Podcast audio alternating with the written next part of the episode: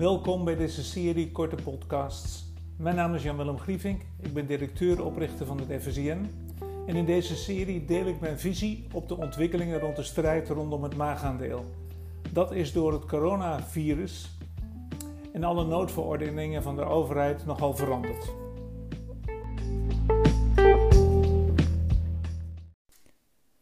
Hebben wij nu als foodsector te maken met een nieuwe werkelijkheid? Het nieuwe normaal of is het gewoon een tijdelijk abnormaal? Ik hoor de laatste tijd steeds vaker dat het verlangen er komt dat we maar zouden moeten leven in een tijdelijk abnormaal en dat het straks weer gewoon teruggaat zoals het vroeger was. Maar helaas, alles wat ik zie en alles wat ik hoor en alles wat ik lees, wijst ernaar dat we te maken gaan krijgen met een nieuwe werkelijkheid, een nieuw normaal. In een aantal podcasts wil ik gewoon daar eens bij stilstaan. Vandaag wil ik uh, vijf dingen noemen die ik zie afgelopen periode van afgelopen maand gekeken, gelezen, ontzettend veel ook aan research gedaan, ook in het buitenland. Wat kunnen we er nou van leren? Veel hoogleraren, veel deskundigen geraadpleegd.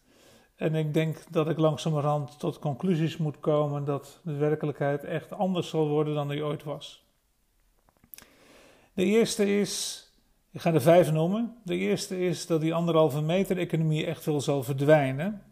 En toch zal er angst ontstaan om te dicht bij grote groepen mensen te komen. Dat blijft. Dus dat betekent dat je zoveel mogelijk in een contactloze samenleving terecht gaat komen.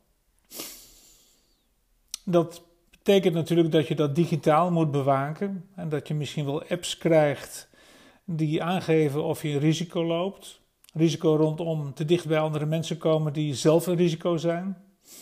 Of apps die uh, je garanderen dat je in een gezonde omgeving bent en dat je gezond blijft.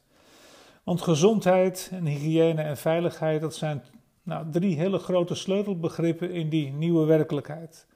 En ik denk ook dat je als onderneming en als ondernemer misschien dat wel bovenaan je eisenlijstje moet zetten van uh, de toekomst zoals die zal zijn. De tweede grote verandering is dat uh, grote groepen bij elkaar heel lang lastig zal blijven. Ook dat kun je natuurlijk weer oplossen met digitale hulpmiddelen, zodat je makkelijker kunt plannen, misschien veel meer kunt spreiden in de open lucht en dat je leniger bent op dat terrein. Dat betekent ook dat uh, bedrijven die de, een grote oppervlakte tot hun beschikking hebben, dat die naar verhouding het gemakkelijker hebben dan kleine bedrijven. Want grote groepen, grote evenementen, daar moeten we echt nog iets op gaan bedenken. Dat zal wel een mix worden van uh, virtual reality en een echte realiteit. Maar enorme grote massa's, zoals we ze hadden op Lowlands of op foodfestivals. Um, en misschien zelfs wel in stadions. Het zal allemaal anders moeten. We weten nog niet goed hoe. Maar grote groepen, vooral als het in een gesloten omgeving is, dat is blijkt dat grote risico te zijn. Grote groepen in de open lucht, dat gaat nog wel. Maar grote groepen in gesloten hallen, dat is een groot risico. Nou, de derde uh, verandering in de nieuwe werkelijkheid is dat formules veel meer alleskunners moeten worden. Niet alleen maar iets, één ding heel goed doen en de rest laten liggen. Dat is een samenleving die we eigenlijk hadden. Je was specialist in iets. Nu zie je dat je veel meer van alles moet kunnen. Je moet misschien wel, naast dat je mensen ontvangt om binnen te eten, moet je ook service bieden voor afhalen. Je moet gaan bezorgen. Nou, dat deden we toch al een beetje. Misschien moet je ook wel componenten voor maaltijden gaan leveren. Misschien moet je de consument wel leren koken of leren genieten. Misschien moet je wel veel meer in pop-ups gaan doen. Dat je lenig bent. En hoe dan ook, er komt veel minder horeca.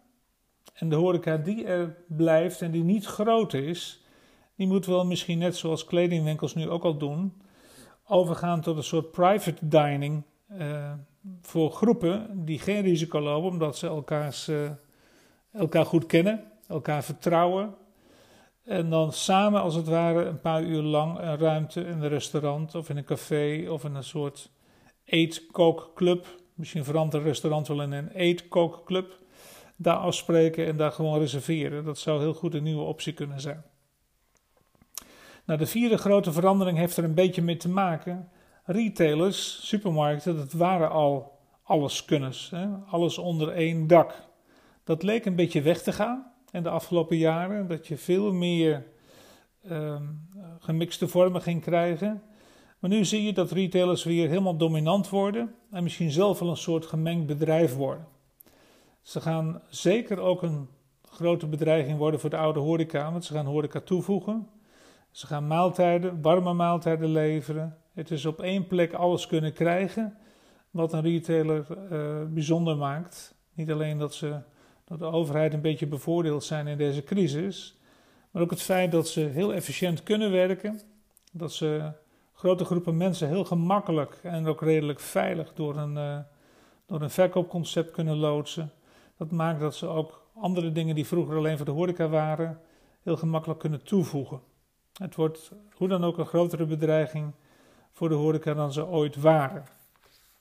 Nou, de vijfde, de laatste verandering die ik in deze podcast wil aanstippen voor de nieuwe werkelijkheid, is de consument. Die komt in die nieuwe werkelijkheid terecht. Wat we gaan zien voorlopig is downgrading. Een heel beperkt aantal consumenten zal misschien wel net zoals vroeger, zodra het kan, weer net zoals vroeger willen leven. Je zou een 20-60-20 regel erop kunnen toepassen. 20% van de consument heeft nauwelijks financiële beperkingen en zal zoveel mogelijk weer terug willen naar de gewoontes zoals vroeger. Dat kan niet helemaal vanwege de nasleep van de crisis, maar hoe dan ook zal hij dat willen. Hij kan misschien niet meer zoveel reizen, maar hoe dan ook, hij zal luxe willen en zoals vroeger was, zoveel mogelijk gaan nabootsen. De hele grote groep gaat flink wat tandjes verminderen. Die moet bezuinigen of wil bezuinigen. Voor een deel zien ze dat het wel wat minder kan en dat het ook leuk is. En voor een deel zullen ze moeten omdat ze gewoon in een crisis terecht zijn gekomen. En dan weer een kleine groep die zal heel zwaar moeten bezuinigen omdat ze heel hard zijn getroffen door de crisis. En ik hoop dat het misschien slechts 20% is. Want het risico bestaat dat dat veel grotere groep is. En de consument, hoe dan ook, zal die kritischer worden. En dat betekent dat je de luxe veel minder zult toelaten tot je dagelijks leven. Er komen kleine vormen van luxe aan. Dus je zult terugvallen op betrouwbare merken. Je gaat terugvallen op veel meer aanbiedingen. Je gaat zo min mogelijk uh, jezelf laten uh, verrassen door allerlei impulsaankopen. Er zal veel meer gepland ingekocht gaan worden. Dus er wordt echt wel veel minder waarde geld uitgegeven aan de kilocalorieën dan ze vroeger deden. Nou, de post-virus-economie, zoals ik zo mooi van een collega hoorde, die is dus straks echt anders. Dat is het nieuwe normaal. Dat heeft een enorme sociale impact. Daar komen we later wel eens op terug. We moeten nog leren om te gaan met die enorme schuldenlast die wereldwijd is ontstaan. We moeten nog wat gaan vinden met die uh, dominante rol van de overheid die uh, in alle landen is ontstaan, die ons regels oplegt. Wat vinden we ervan? Kunnen we dat volhouden? En ook, uh, wat betekent dit nou voor de globalisering? Halen we onze kipfilets nog over de hele wereld vandaan? Of gaan we toch veel meer naar lokale omgevingen toe? Nou, dat komt een keer in een andere podcast. Tot zover. Dit was Jan-Willem Grievink.